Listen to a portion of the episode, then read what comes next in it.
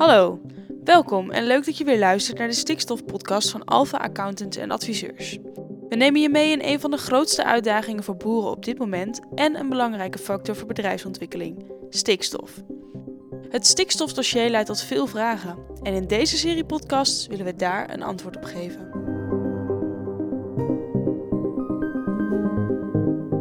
Beste mensen, fijn dat jullie luisteren naar de achtste Alpha Stikstof podcast. Ik ben nu met Hans de Bie, marktmanager Food en Agri bij Alpha Accountants, op weg naar het Friese Koudem. We gaan op bezoek bij Anton Stokman. Nou, dat is voor velen denk ik geen onbekende naam. Anton is met zijn vrouw Tini en zoon Arjan al jaren vooruitstrevend aan de slag met, zoals hij dat noemt, doordacht duurzaam. Anton heeft een melkveebedrijf met 280 koeien in wat hij noemt de vrije keuzestal. Die is in 2009 feestelijk geopend en heeft binnen melkrobots een dichte vloer met rubber, waterbedden en buiten wat Stokman de jacuzzi noemt. Een koeienbad als aardigheidje waarin de koeien kunnen pootje baden, zo vertelde hij destijds. Maar inmiddels draait er ook al een tijdje een monomestvergister, waarbij het gewonnen biogas wordt opgewerkt naar groen aardgas en rechtstreeks wordt geleverd aan het aardgasnet. Hans, Anton is voor jou ook geen onbekende, denk ik. Waar ben jij vooral benieuwd naar? Ik ben eigenlijk voornamelijk benieuwd naar hoe Anton aan de voorkant het besluit heeft genomen om in een mestvergister te investeren. Uh, en met name op uh, financieel gebied. Hè. Je kunt het aan de voorkant mooi doorrekenen. Maar de, de combinatie van financieel, de reductie van stikstof, de reductie van broeikasgassen en op heel de mestboekhouding van het bedrijf. En dan ben ik met name benieuwd naar de ervaringen die Anton nu heeft. Heeft die vergister ook waargemaakt zoals hij het aan de voorkant gedacht heeft of ingeschat heeft? En wij zijn op dit moment met best veel melkvelders in gesprek om plannen door te rekenen. En wat kunnen wij nu meenemen in de gesprekken met onze uh, melkveehouders vanuit de ervaringen van Anton uh, om plannen goed door te rekenen voor ondernemers om ook bewust en goed, een goed besluit te kunnen nemen om hier daadwerkelijk in te investeren. Mooi. Ik ben vooral benieuwd naar zijn drijfveren. Waarom doet hij dit allemaal? Waarom is hij altijd weer op zoek naar iets nieuws? Ik denk dat het bij hem om meer draait dan alleen de euro's. Enfin, we gaan het straks allemaal bespreken met hem. Anton, in de inleiding van deze podcast, die ik eh, al rijdend in de auto samen met, uh, met Hans door dit mooie Friese landschap uh, deed, heb ik je bedrijf al even geschetst. Um, toen ik dit voorbereidde, las ik op je, op je website dat je, je wilt doordacht duurzaam boeren. Zo werk je volgens mij al heel lang aan het reduceren van je emissies.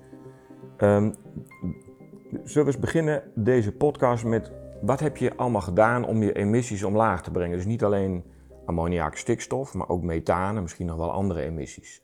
Dus puur even puntsgewijs, welke stappen zet je allemaal? Uh, ja, dat is uh, toegespitst op emissies. Hè. Dat, daar doen we dus ook wat aan, maar wel als onderdeel van, uh, van een geheel, van een boerderij.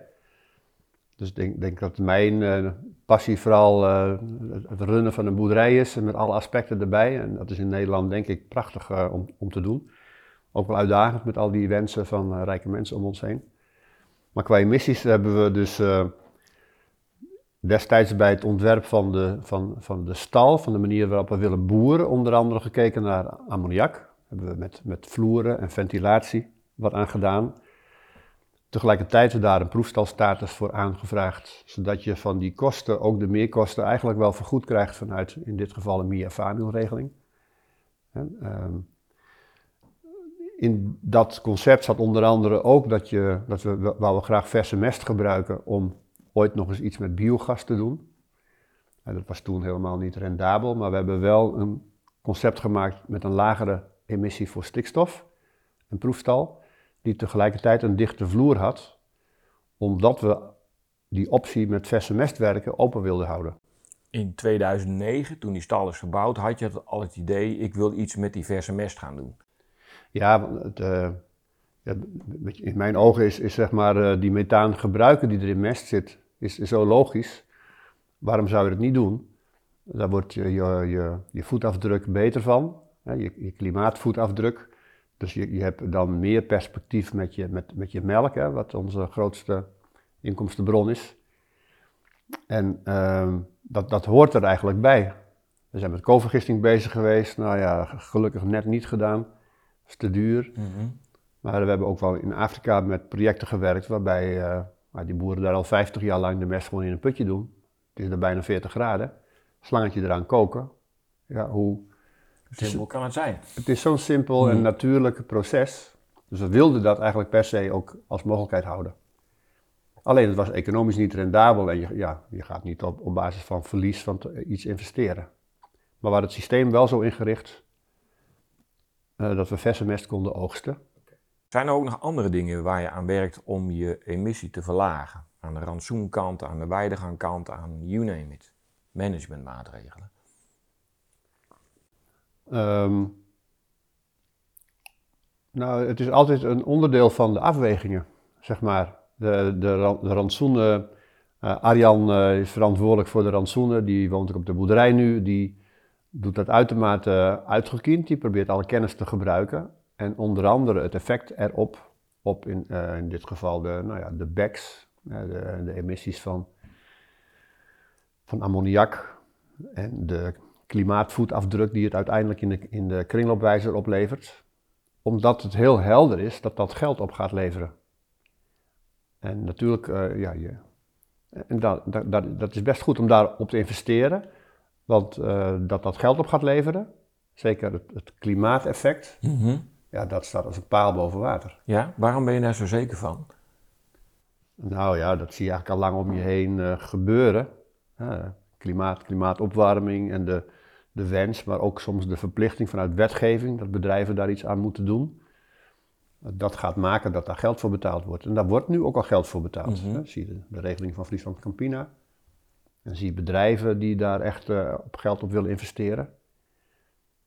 En ehm, als die echt iets aan klimaatvoetafdruk willen doen, en ze pakken een, een, een scope 3, en noemen ze dus een, een, een soort klimaatvoetafdruk, waarbij ze ook hun aangevoerde voedingsmiddelen mee moeten rekenen. Mhm. Ja, dat zit op de boerderij. Ja. En daar is de winst te halen.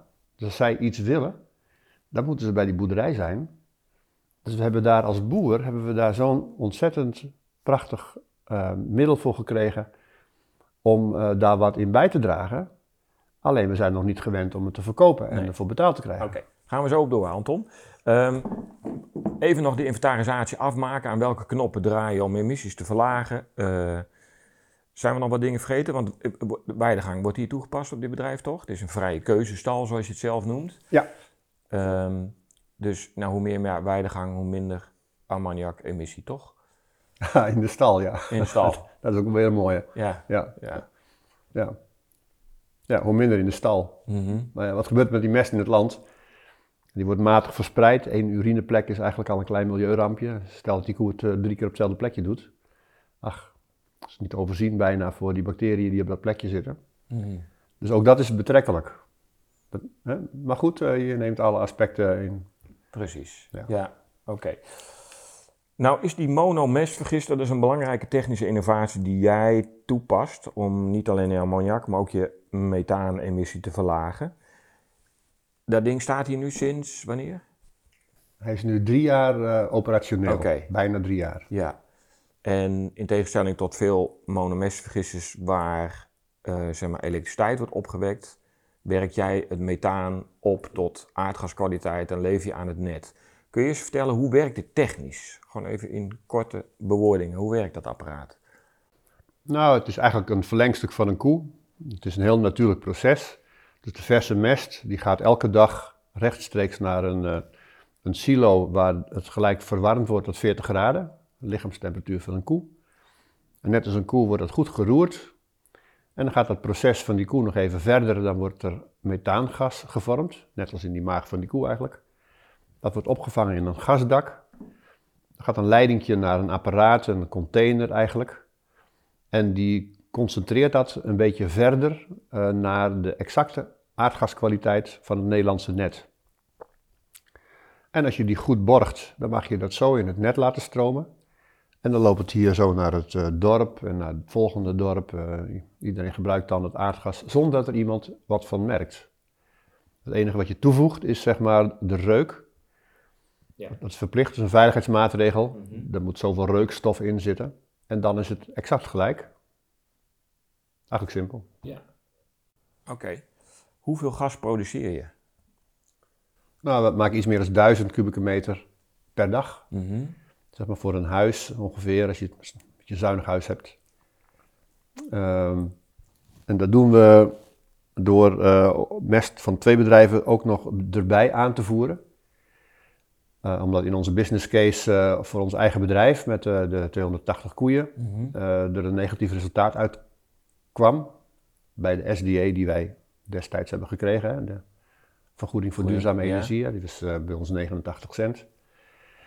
Nou ja, hadden we 89 cent per. per kuub eh, eh, groen gas. Oké. Ja. En daar kwamen we niet mee uit. Nou ja, dat was dan het zoveelste plan wat niet rendabel was. En toen hebben we gezegd van nou ja, maar dan die installatie die kan veel meer. Die kan in ons geval voor 600 koeien de mest verwerken. Mhm. Eh, ja, je kunt het je niet veroorloven om die eh, op 50% capaciteit te laten draaien. Dat kan bijna nooit. Dus hebben we gezegd, zo, dan moeten er twee bij. Nou, we hebben toen destijds dat stalconcept bij, bij, op vier bedrijven gebouwd. Bij drie vrienden en bij ons. Die stallen zijn op de millimeter gelijk. Allemaal verse mest. En twee ervan leveren nu twee keer in de week de mest. Verse mest. Dus die wordt in tankwagens over de weg Ja. hier naartoe gereden. En die gaan dan gelijk weer terug met een volle tankauto met mest zonder die methaan. Dus, dus qua mineralen. Je, je digestaat. Ja, je noemt het digestaat, het blijft eigenlijk mest. Mag ik het geen digestaat noemen van jou? Nou, voor mij wel, maar de, da- daar kleeft soms iets aan van wat zou het dan zijn. Mhm. Maar in de definitie, ook voor de overheid en voor RVO, is het code 14 mest en het blijft mest, want we voegen niks toe. Dus prima om het digestaat te noemen, Ja. maar het is heel anders dan digestaat van een kovergister. Want daar kunnen heel veel andere componenten in zitten. Dit is gewoon mest en het blijft mest. Alleen methaan is eruit. Oké. Zeg je daarmee, want die vraag speelde ook nog door mijn hoofd, Anton, dat, eh, maar dat hoor je nog wel eens eh, onderweg, dat, ik noem het dan toch nog even digestaat, dat de, de, de kwaliteit van die mest, oké, jouw woorden, minder is eh, dan gewoon mest rechtstreeks uit de put. Dat is dus niet zo, zeg jij. Dat is, Alleen de methaan is eruit. Ja. Ja, heel zo nu en dan hoor je dat verhaal inderdaad, dat blijft lang kleven. Het gaat dan over koolstof. Dat wordt er natuurlijk uitgehaald, hè? CH4, zit precies. koolstof in.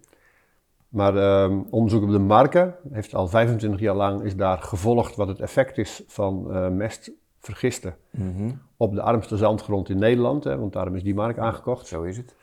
Nou, dat effect is er niet.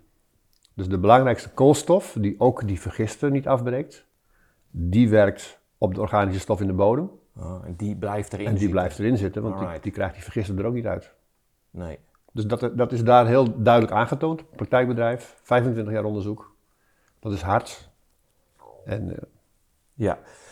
Anton, over die business case daar wil ik straks echt nog wel wat dieper op ingaan. Maar dat is natuurlijk wel heel erg interessant.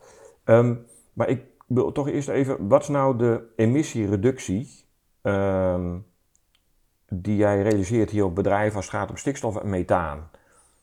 Al jouw inspanningen, je hebt er een aantal genoemd eh, als antwoord op mijn eerste vraag. Dus welke emissiereducties realiseer je nou hier op het bedrijf? Nou, je hebt een velletje voor je liggen, Anton. nou ja, ik zag de. Ja, Kijk, de, qua stikstof. Wij, wij voorkomen de emissie eh, op de vloer voor een, voor een deel en in de put, omdat we het vers gelijk die vergister in stoppen. Eh, dus daarmee, nou ja, pakken we misschien een, een procent of 10, 20 van eh, de emissie die je daar zou hebben. ammoniakemissie. Ammoniakemissie. Check. Twee, eh, door vergisten verlaag je zeg maar eh, de methaanemissie van de mest in de stal. Die gaat naar bijna nul. Ja, Dat hebben we overigens ook gemeten. dus je methaanemissie uit de put, zeg maar, die gaat naar, bijna naar nul. Ja, want alle methaan wordt er behoorlijk goed uitgehaald. Ja. En als je dat in de kringloopwijzer zet, dan eh, kom je op een 200 gram CO2 per liter melk lager uit. Oké. Ehm, en een kwart van de, van de methaanemissie van een koe zit in de mest. En drie kwart van de methaanemissie van een koe, die gaat via die magen rechtstreeks weer terug De bek door naar de buiten. bek naar buiten toe. Ja, En die drie kwart, ja, eh, dat zou interessant zijn om die ook nog aan te pakken. ja. En we doen onder andere nu proeven met een, eh, nou, met een bedrijf die heeft daar een middel voor gevonden, een natuurlijk middel, Mhm. op basis van knoflook en citrus. Dus een wondermiddel. Maar die verlaagt die emissie en wij meten voor dat bedrijf, Ja. ons bedrijf ook, welk effect dat precies heeft. Zodat het op de markt gebracht kan worden. En ook dat is weer een, eh, in mijn ogen een prachtige kans straks voor de melkveehouderij.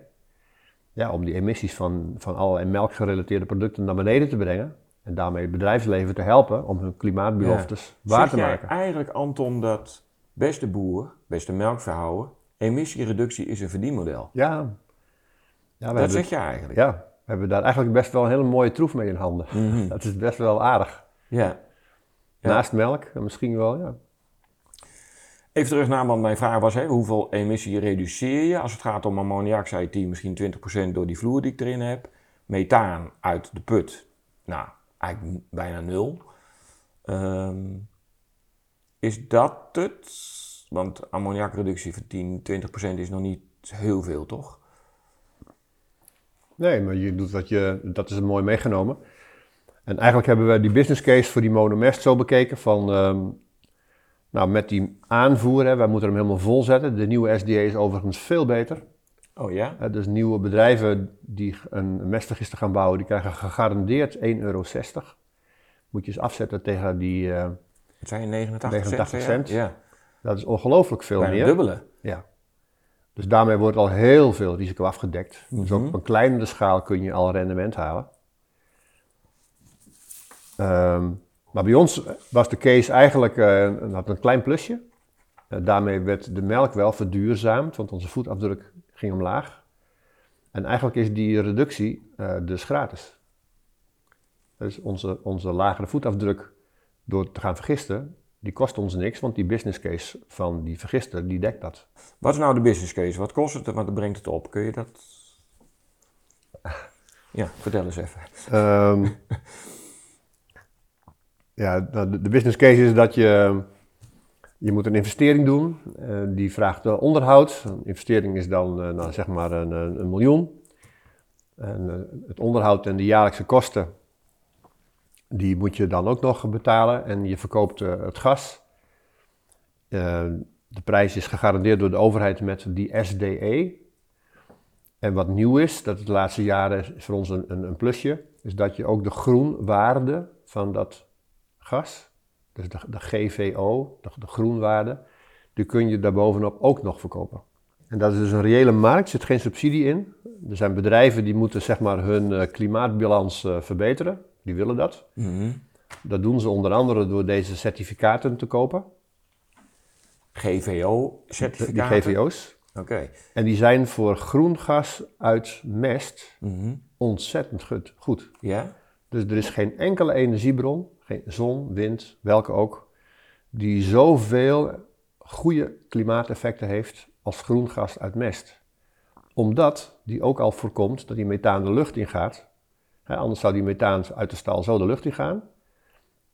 Dat voorkom je, dat is één. Ja. Twee, je maakt er ook nog aardgas van, wat ander aardgas vervangt. Dus dat telt het dubbel. Mhm. Dus die, die heeft ook een, eh, dat groene gas heeft een negatieve eh, CO2-effect. Wat levert zo'n GVO-certificaat jou nou op? Nou, dat varieert heel, eh, die markt is heel grillig. Mhm. Zeg maar dat die nu, die, dat varieert tussen de 20 cent en de, en de 40 cent. Per Kuub gas. gas. Nou, dat is eigenlijk ook al de gasprijs die we de laatste jaren hebben gehad. Ja, Dus die komt er dan nog eens overheen. ja, precies. En die zou ook over die 1,50 euro komen voor nieuwe installaties. Dus daarmee is in mijn ogen zo'n nieuwe installatie bouwen erg interessant. Zou je kunnen zeggen dat jij zag een tijdje terug al, jongens, dit wordt een verdienmodel. Hè? Zoals, ik, zoals we net zeiden, ja, dit is, dit is een verdienmodel. Zag jij dat een aantal jaren geleden? Ook? Is dat dus jouw drijfveer, het verdienmodel, of zit er meer achter? Nou, toen wij investeerden was die eigenlijk, eh, werd arbeid betaald met een klein plusje. Mhm. Nou, weet je, in boerenogen is dat een verdienmodel, want wij rekenen altijd een generatie en 20 jaar. Ja. Eh, dus op lange termijn past het. Dat is een heel belangrijk argument. Mhm. Dus daarom hebben wij het gedaan. Nou, we kregen de laatste twee jaar kregen we die GVO's. Dat hadden we niet verwacht. Nou, bij ons is dat een plusje. Ja. Maar ik denk dat het gewoon heel, eh, Ja, het is, dus, je moet het ook wel leuk vinden om te doen. Dat moet ook wel, wel bij je passen. Nou ja, je zit glimlachend tegenover me, dus jij vindt het leuk om te doen. Ja, en ik snap ook wel dat de kranten vol staan met stikstof en allemaal allerlei andere Mhm. toestanden. Mhm. Eh, maar goed, dan is het een mooie manier om eh, nou eventjes niet met een uitbreiding van koeien bezig te zijn, of land, maar hiermee. En dan kun je ook nog, die, die west komt er warm uit, je kunt iets meer met mest splitsen. Zeker als je dat op een iets grotere schaal doet met wat eh, buurmannen of vrienden erbij. Dus het geeft mogelijkheden die allemaal nog niet in die economie zitten, maar die wel kansen geven om er weer mee verder te gaan. Dat, dat is het leuke van deze ontwikkeling. Ja. Kun jij, eh, er zitten een aantal vragen in mijn hoofd. Ehm, de eerste die, die ik nu even op tafel leg, Anton, is even weer terug naar die business case. Jij kon het niet rondrekenen met alleen jouw eigen 280 koeien, dus je Nee. had mest nodig waardoor je de 600 koeien. Ja. Zeg je daarmee dat ja, dit is ook alleen maar rendabel bij zulke omvangen? Want dan denk ik als boer, ik heb helemaal niet zoveel koeien. Nee, dat dachten wij ook. We hadden weer een business case die niet uit kon. Ja. Maar dat, toen zeiden we van, nou weet je, als we dan die best van die andere bedrijven erbij doen, Mhm. dan komen we net wel uit. En ik denk dat je dat ook in nieuwe cases moet doen. Je moet altijd wat veiligheden inbouwen. Dus, dus werk daarmee samen. Hey, wij reden hier naartoe en het is een smal weggetje. En Hans en ik die vroegen ons af, oké, maar die mest van die twee andere bedrijven, die moet dus over dit smalle weggetje. Nou, bijna door het langs het, het dorp Koudem heen. Dus ik kan me voorstellen dat, ja, dat, dat de mensen zoiets hebben, jongens, wat, eh, dat willen wij niet hier. Maar goed, er komen dus twee keer in de week komen er, eh, komt er een vrachtwagen heen en weer. Komt, Mhm. komt te rijden. Mhm. En hoeveel is dat ten opzichte van de vrachtwagens die nu al komen rijden? Met bigs en, big, en big bags en zakken en kunstmest en zaagsel en melk. Mhm. Dat is maar ook wel een beetje. Ja, Dus, dus zoveel meer is het niet. En elke vrachtwagen mest die er rijdt, is voor een half jaar gas voor weer een huis in het dorp. Dan gaat er weer een vrachtwagen weer voor Ja. een half jaar gas in een Ja. huis. merk je dat de mensen daar wel gevoelig voor waren? Als je met goede argumenten komt. In dit geval dus de omwonenden. Nou ja, kijk, vergunningen, dat is, dat natuurlijk een uitdaging op zich. Mensen waren hier in het dorp eerst eh, kritisch. We hebben een hele mooie woonwijk tegenover ons. We hebben uitgenodigd, die zijn, komen kijken. Had heel veel vragen. En ik snap het ook wel. In de krant lees je alleen maar problemen. Met vergisting en reuk. Maar eh, we hebben een heel leuk bezoek gehad. Veel uitgewisseld. Eh, eigenlijk werden de meesten wel gewoon enthousiast. Geen bezwaren gehad. Dus daar hadden wij ook weer geluk mee.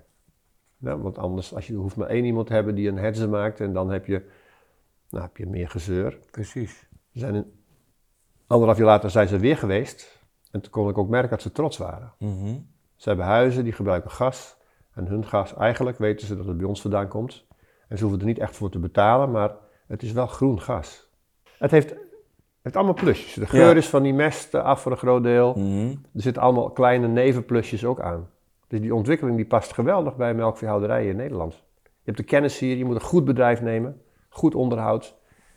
Ehm, niet rommelen en zelf doen en prutsen. Ja. Het is een technische installatie. Als er wat is, dan kijk je met groot verstand. En dan trek je je telefoon en dan bel je. En dan heb je een specialist aan de lijn die logt in. Wordt feilloos geregeld. Dat, en dat kan in Nederland. Dat hoef je dus in Oost-Europa niet te doen, want Nee. dan moet je een week wachten. Ja. Hier werkt dat in Nederland. Ja. Anton, aan die monomestvergisser levert dus een belangrijke bijdrage in het verlagen van je, eh, de emissie van broeikasgassen, waar methaan een groot onderdeel van uitmaakt. Maar hoe borg je dat nou? Hoe kun jij aantonen dat dat ook echt zo is? Het, het, principe van het vergisten van mest Ja. en het methaan daaruit halen, dat is eh, eigenlijk helemaal onderbouwd eh, wetenschappelijk. Dus in de kringloopwijzer, als je dat invoert, Precies. Hè, ook als je Mhm. je, je je mest laat vergisten bij een ander, dan is het klik, lagere voetafdruk, meer geld voor Friesland Campina. Nu, nu al, hè? Ja. Wat staan over vijf jaar. Ja. Dus die is eigenlijk in die zin makkelijk. Ja. Wat bedoel je als je zegt, nu al, laat staan over vijf jaar? Dat, die, Wat dat, zie je over vijf jaar dan? dat gaat toenemen. Dus die vraag, die, die vraag naar die groencertificaten en naar het klimaateffect, Mhm. Die is sterk groeiend. Dus de anderhalve cent die ik nu voor Friesland Campina krijg, dat wordt meer. Nou ja, Oké. En oké, dus, dus op die manier is dat ge- geborgd, zeg maar. Nou las ik ook, volgens mij ergens op je site, eh, Anton, dat eh, je overweegt om een stikstofstripper aan te schaffen? Nou, dat is altijd wel een overweging geweest. Dat kun je doen. Je, qua wetgeving kun je dan je eigen mest weer plaatsen. En je houdt ook je fosfaat en je kali, zeg maar. Mhm. Want je haalt de stikstof eruit en nou ja, dan kun je weer genoeg op je land plaatsen. Ehm, dus dat kan. Mhm. Te- tegelijkertijd is het een hoge investering. Het is werk. Je werkt met mest. Ehm, je- er moet eh, op zijn minst zuur bij, soms ook loog. Allemaal producten op je bedrijf van, nou, wil je die wel hebben? Mhm. Wat je doet, is dan haal je de, een gedeelte van de stikstof uit in de vloeistofvorm. Dan ga je de mest uitrijden en dan doe je het er weer bij. Ja, misschien in twee werkgangen. Maar qua, qua regelgeving ben je dan getackeld, dan ben je, dat is klaar. En, en ik heb er, eh, voor mijn gevoel is het gewoon een, ehm, ja, een oplossing die wel, eh, eh, waar je wel de regels mee tackelt. Je mag je mest dan weer plaatsen. Ja, Maar wat eigenlijk, ehm, maar is dat zo? Mag je, je zegt steeds, je mag je mes plaatsen, maar het punt toch is dat je, eh, dat, we noemen dat dan vloeibare kunstmest, Eh, die mag je niet als kunstmest inzetten. Dus Ja, maar als je, het- als je het goed afscheidt en de concentratie is hoog genoeg, dan is het een erkende kunstmest. En, dat, je oké, moet, en dus dan is dat getackeld. Mhm. dat, dat kan nu al. Eh, die discussie over renewer, precies. die is eigenlijk interessanter.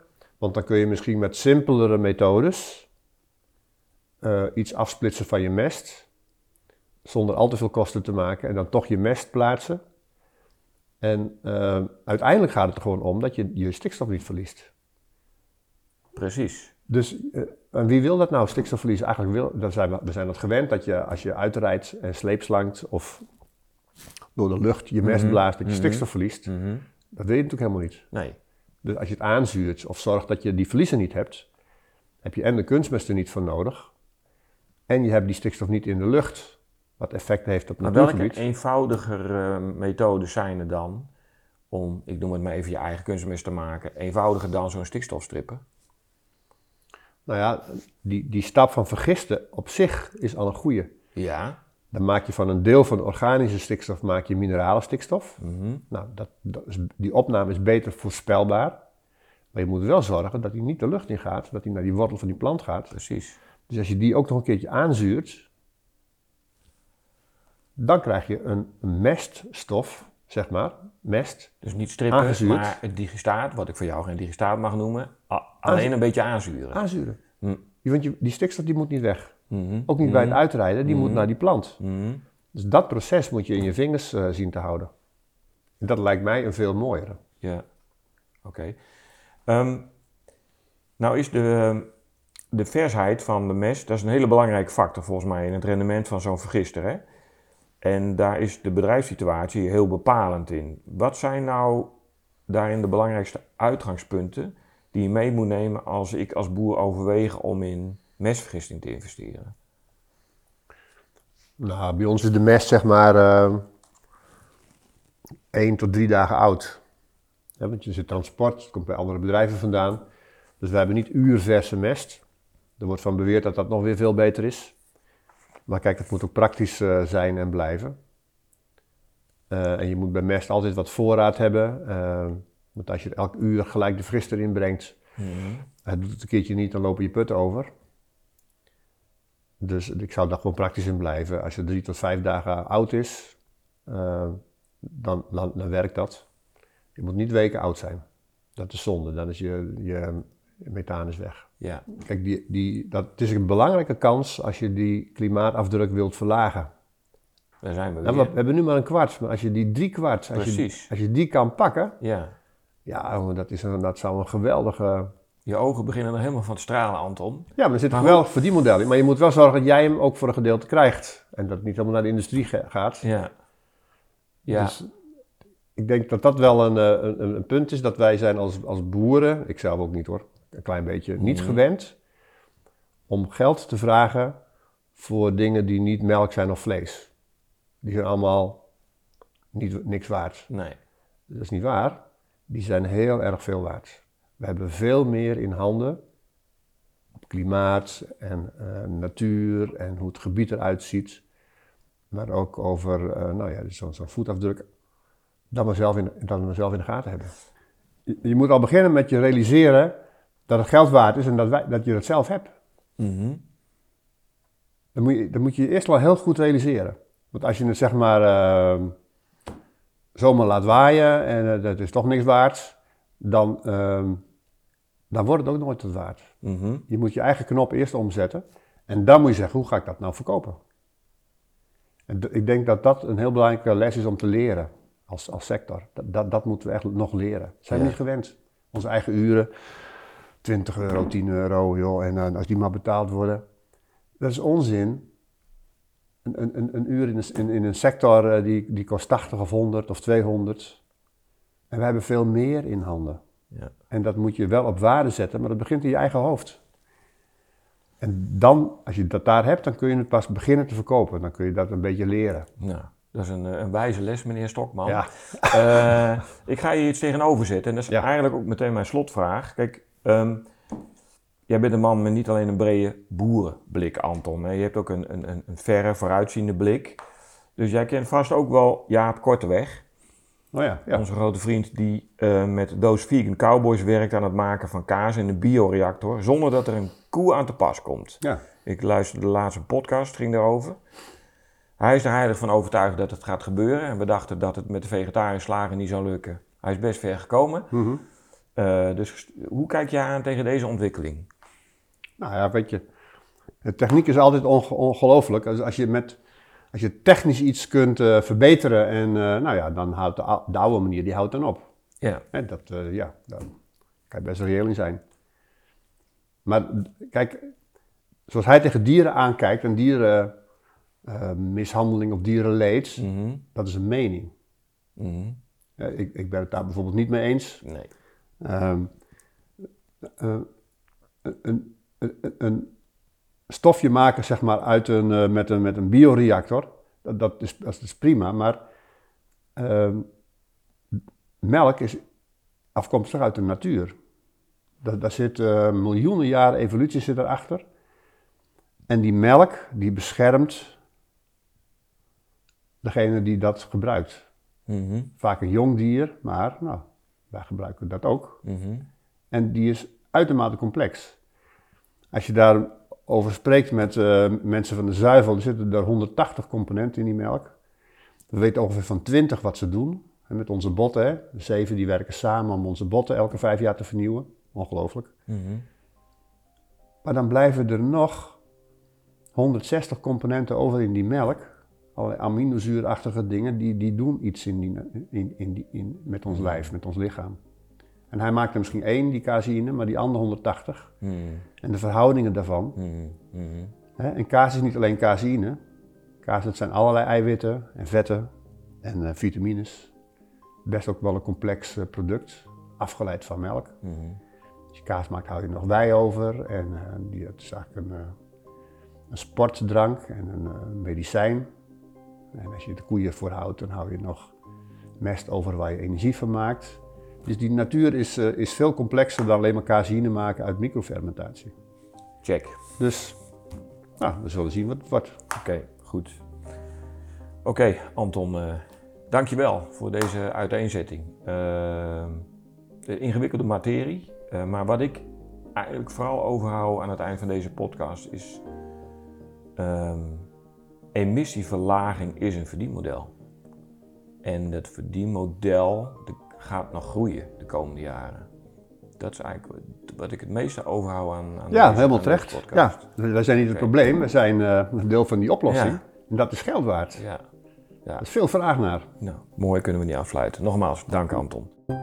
Fijn dat je hebt geluisterd naar deze aflevering van de Alpha Stikstof Podcast. Alle afleveringen zijn te vinden op alpha.nl/slash stikstofpodcast. Heb je vragen, opmerkingen of suggesties? Mail dan naar communicatie.alpha.nl.